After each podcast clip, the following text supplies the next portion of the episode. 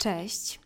Powiem Wam, że dzisiaj miałam mały dylemacik, co wybrać, dlatego że listopad był poprzedzony październikiem z dreszczykiem, czyli w tym roku bardzo eklektyczną serią, w której poruszyłam całą masę wątków.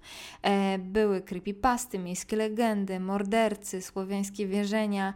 No i pomyślałam, że można byłoby dołączyć niektóre te wątki do naszego stałego repertuaru, tych piątkowych, bardzo strasznych historii. Oczywiście absolutnie nie chcę z nich rezygnować. W dalszym ciągu będę tutaj czytała Wasze mrożące krew w żyłach historie, no bo po prostu to jest jedna z lepszych części bardzo brzydkiego podcastu.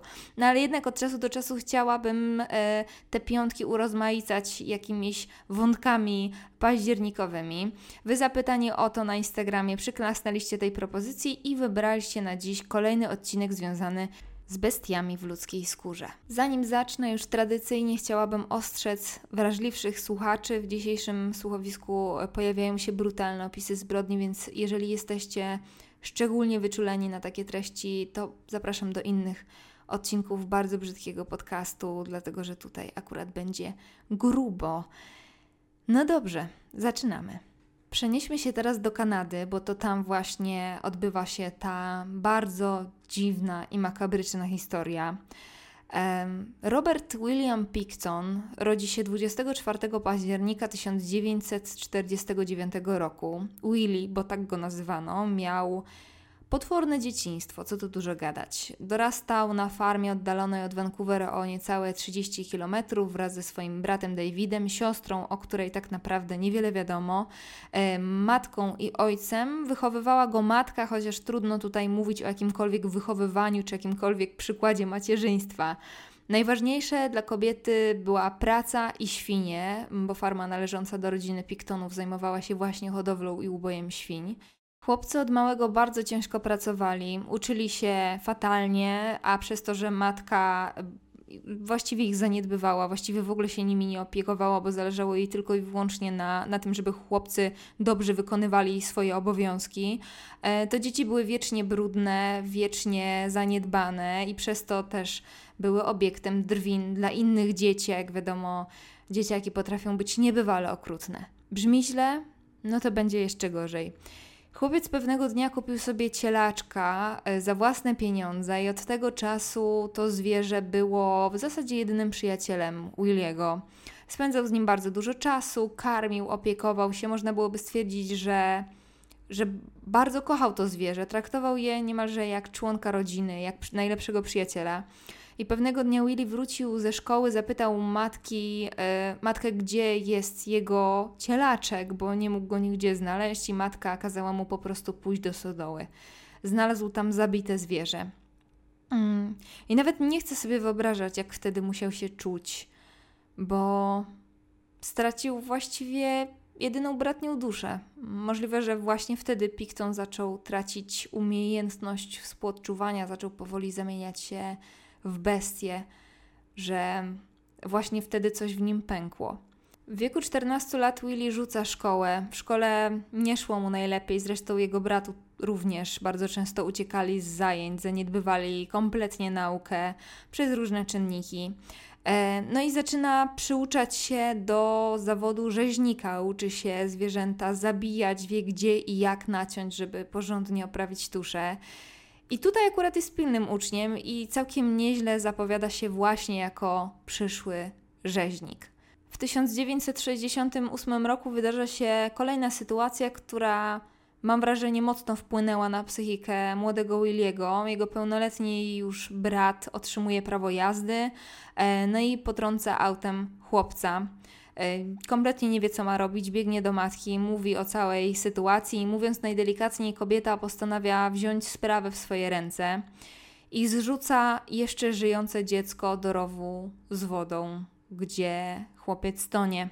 Oczywiście, jak bywa w takich historiach, wszystko, mm, wszystko uchodzi jej na sucho. Mm, wypadek jest uznany za po prostu e, wypadek losowy i nigdy kobieta nie staje przed sądem z tego powodu.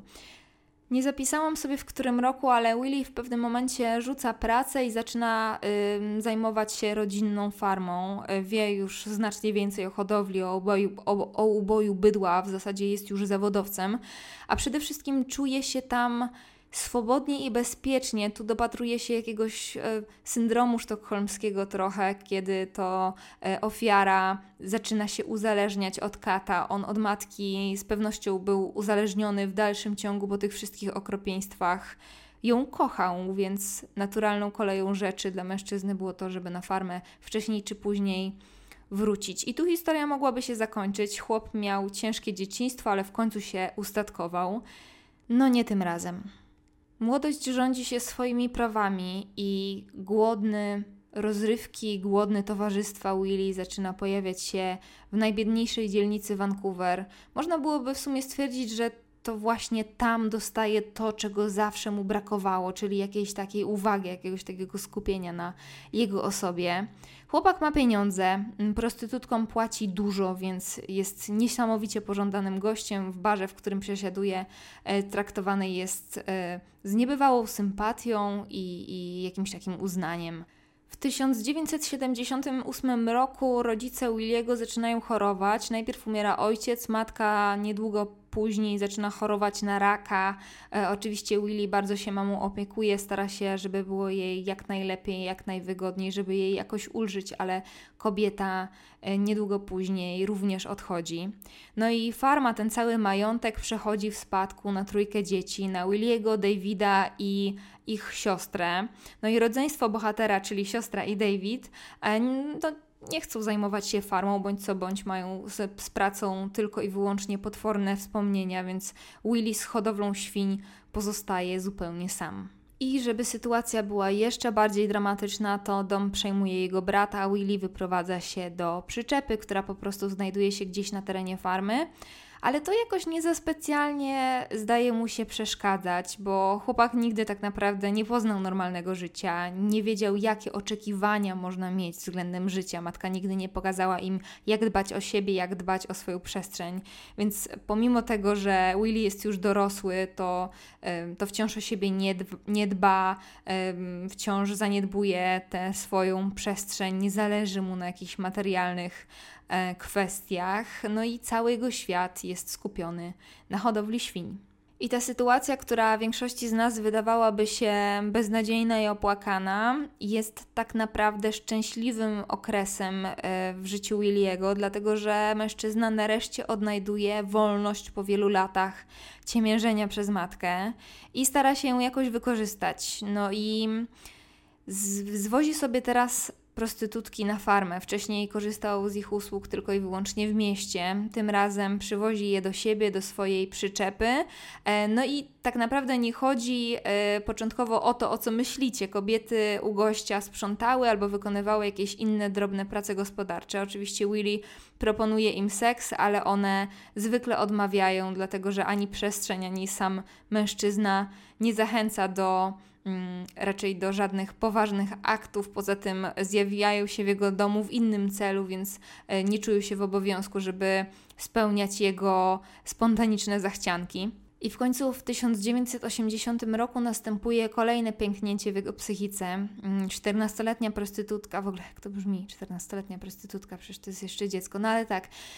Um, dziewczynka zostaje zabrana przez Pictona do auta, zgwałcona, raniona nożem, po czym wyrzucona na parkingu. I Picton zaczyna czuć władzę, czuje teraz to, czego tak bardzo pragną, i ta rządza władzy, rządza panowania nad światem będzie teraz u niego już tylko narastać pewnym momencie, tu akurat nie zanotowałam sobie roku, ale domyślam się, że to są nieodległe od siebie zdarzenia.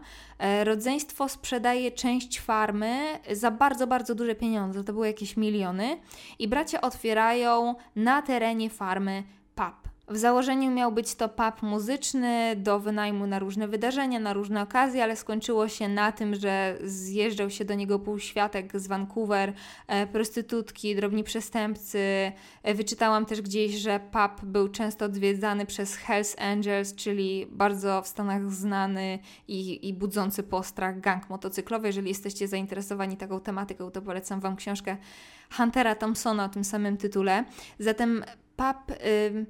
nie był zdecydowanie elegancką restauracyjką, co tu dużo gadać, i w pewnym momencie zaczęto dostrzegać, że prostytutki, które się tam pojawiały, znikały w niewyjaśnionych okolicznościach w zasadzie bez śladu. Tu władza się nie popisała i niestety często tak jest, niezależnie od szerokości geograficznej, że, e, że ludzie z marginesu społecznego są też marginalnie traktowani, jeżeli chodzi o ich zdrowie i, i bezpieczeństwo. I tak działo się również w tym przypadku. Rodziny zaginionych dziewczyn składały zeznania, a policja totalnie zlewała temat. W mediach też było o tym cicho, no bo kto by się czymś takim interesował, prawda? Um, ale jednak na ulicach Vancouver, w tym właśnie półświadku, panował już pewien strach. Dziewczyny ostrzegały się nawzajem, bo coś jednak się działo, ktoś grasował w okolicy, ich koleżanki znikały. I w ogóle wyobraźcie sobie ten poziom lęku musisz zarobić na życie. Odłóżmy na chwilę nasze bardzo indywidualne zasady moralne. Musisz zarobić wychodząc na ulicę. Nie możesz się schować w domu, nie możesz sobie wziąć L4. I codziennie wchodzisz do aut, nie wiedząc, czy z nich wyjdziesz. Wiesz, że twoje koleżanki znikają bez śladu. Straszna wizja, straszliwa. Wróćmy jeszcze na chwilę do naszego bohatera, który tak naprawdę nie wzbudza żadnych podejrzeń. Uchodzi za miłego gościa, e, dodatkowo takiego, który płaci za usługi bardzo duże pieniądze. W końcu po sprzedaży części gospodarstwa byli ze swoim bratem milionerami. Dowodem też na to, że jest kompletnie niewinny, e, jest fakt, że z kilkoma dziewczynami utrzymuje stały kontakt. Niektóre tygodniami mieszkają w jego przyczepie. Um, i bo generalnie to nie było tak, że każda osoba, która weszła do niego do auta, znikała bez śladu. Dziewczyny dostawały bardzo często duże pieniądze, narkotyki, e, no i przez to Picton miał opinię dobrego i przy okazji nadzianego gościa. Między 95 a 97 rokiem ginie aż 21 kobiet, yy, później kolejne 9 i policja w dalszym ciągu ma to gdzieś, no bo przecież jak się baba pakuje do nieznanego auta, to czego oczekuje? Rodziny cały czas przychodzą zeznawać, niektórzy mają już bardzo określone poszlaki, ale policja twierdzi, że albo kobiety gdzieś wyjechały, na pewno nic się im nie stanie i tak dalej. Generalnie władze umywają ręce. No dobrze, teraz wejdźmy sobie do przyczepy Piktona. Mężczyzna zaprasza swoje ofiary, obiecuje im pieniądze, narkotyki, za które część tych mocno uzależnionych kobiet była w stanie zrobić niemal wszystko. Zakuwa je w kajdanki, dusi, czasem strzela w tył głowy i w tym momencie nie ma w nim już człowieka, nie ma żadnych sumieni, jakiejś iskierki ludzkiego odruchu, nie ma w nim nic, jest tylko rządza władzy, rządza panowania nad drugą osobą. Prostytutki były dla niego w zasadzie jak świnie, na których ubój patrzył od kiedy pamięta, nie znaczyły nic. Martwe kobiety przenosi do rzeźni i znowu zajmował się nimi dokładnie tak jak świniami. Oprawiał je dokładnie w ten sam sposób. Oszczędzę Wam szczegółów, jeżeli widzieliście kiedykolwiek zdjęcie oprawionej świńskiej tuszy, to możecie sobie wyobrazić, jak potworny musiał być to widok w przypadku ludzi. I słuchajcie, liczba zaginionych kobiet musiała jeszcze dodatkowo wzrosnąć, żeby policja wreszcie ruszyła tyłek skompletowano mm, grupę operacyjną, zaoferowano nagrodę za pomoc w odnalezieniu sprawcy. Bardzo szybko policja zaczęła dostawać zgłoszenia o hodowcy świń i wyobraźcie sobie, że pomimo tych zgłoszeń, pomimo tego, że same rodziny zaginionych kobiet przychodziły i mówiły o swoich bardzo określonych podejrzeniach, policja kolejny raz wzrusza ramionami. Władze niby coś tam robią, przesłuchują kolejnych podejrzanych, a Picton dalej zabija jakby nigdy nic. Masakra. W 2001 roku popada w coraz większy obłęd, wie, że już jest kompletnie bezkarny, policja cały czas trafia kulą w płot, więc mężczyzna już nie przykłada się za bardzo do utylizacji zwłok, które wcześniej wywoził wraz z odpadkami zwierzęcymi do takiego miejsca, gdzie, gdzie się takie odpadki utylizuje. E, tym razem odcięte kończyny chowa do zamrażarek, do śmietników, właściwie wszędzie, gdzie się da, wie, że nic mu się nie stanie. Przy tym wszystkim potrzebuje coraz mocniejszych bodźców, tak bywa z um, seryjnymi, psychopatycznymi mordercami, że cały czas potrzebują coraz to większej puli emocji, więc Willy morduje kobiety z coraz większym okrucieństwem, w zasadzie byle co było w stanie obudzić w nim bestię, często oskarżał kobiety o to, że ukradły mu jakieś pieniądze z portfela i za to automatycznie zabijał. Oczywiście żadne śledztwo się nie odbywało, no bo kto by się przejmował kilkudziesięcioma zaginionymi prostytutkami, prawda?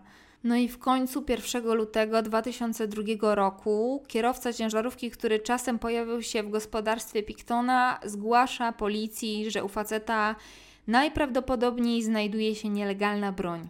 Ogarniacie to? Nielegalna broń. Dopiero wtedy policja ruszyła tyłki na farmę Williego. No i nagle, no kto by pomyślał, takie odkrycie. Sprawę okrzyknięto oczywiście największym śledztwem kryminalnym w Kanadzie. Media, prasa, policja, grupy operacyjne, specjaliści wszystkich dziedzin kryminalistyki. Y, nagle zrobiło się o tym głośno. No ale trochę wolniej Chmielewska. Nie wiem, jakoś nie mogę powstrzymać złości, jak myślę o tej sprawie i o takiej tu totalnej nieudolności policji. No dobrze, zatem 5 lutego policja wkracza z nakazem przeszukania farmy z powodu tej domniemanej nielegalnej broni. Jeden z policjantów odnajduje inhalator zaginionej kobiety i później w zasadzie następuje reakcja łańcuchowa, odnajdują krew zaginionych, różne drobne dowody, aż wreszcie szczątki po prostu wrzucone do kosza na śmieci czy do zamrażarki, odcięte głowy, kończyny. E, Picton trafia do aresztu, w tym momencie już nie jest człowiekiem, jest kompletnie odarty z ludzkich odruchów, z jakiejś reakcji, z jakichś emocji, które jednak wskazywałyby na to, że jest mu jakkolwiek przykro. E, I wydaje mi się, że najlepszym dowodem jest na to przesłuchanie, które trwało 11 godzin. Will jest obojętny, totalnie wyluzowany, jakby siedział na drinku w pubie. Można byłoby nawet ulec wrażeniu, że, że całkiem nieźle się bawi. Ale nie przyznaje się do winy. Mm, I ta wina już w tym momencie jest ewidentna. Pytanie tylko o skalę problemu. E, I tutaj akurat policja wykazuje się jakimś sprytem, chcąc zmusić Pictona do mówienia, zmienia odrobinę taktykę, zamykają go w celi z policjantem, który udaje innego osadzonego. I teraz pozostaje tylko czekać. E, bo generalnie jest tak, że mm, seryjni mordercy, tacy psych psychopatyczne, takie psychopatyczne persony lubią wcześniej czy później pochwalić się swoimi dokonaniami i tak również dzieje się w tym momencie. E, chłop zaczyna się przechwalać, mówić o tym, co zrobił, jak robił i że zabił 49 kobiet. Tymczasem na farmie śledczy dokonują kolejnych makabrycznych odkryć, znajdują szczątki, dłonie, głowy, niezbywalne dowody na coraz to kolejne morderstwa, które, które wpływają na konto Williego jedno po drugim. Oczywiście prasa, telewizja oblepiają farmę jak muchy, a do mediów przechodzą kolejne drastyczne informacje. I teraz wydaje mi się, mamy wisienkę na tym makabrycznym torcie. 11 marca 2004 roku media obiega informacja, że szczątki kobiet mogły przedostać się do paszy, którą Picton karmił zwierzęta, no bo nie zapominajmy, że przez ten cały czas Willy zajmował się w dalszym ciągu ubojem i hodowlą świń. Ogarniacie to? Idźmy dalej. Większość wieprzowiny w Vancouver pochodziła właśnie z farmy Pictona. Ludzie dosłownie oszaleli ze strachu. Zresztą wcale się im nie dziwię. To jest, wydaje mi się, już najwyższy poziom makabry. E, wyobraźcie to sobie, słyszysz o tych strasznych wydarzeniach, bo domyślam się, że media nie żałowały szczegółów, po czym patrzysz na swój talerz. Nawet nie chcę sobie tego wyobrażać. Śledztwo trwało 22 miesiące. Warto wpisać sobie w Google zdjęcia, jak wyglądała farma Pictona podczas całego śledztwa.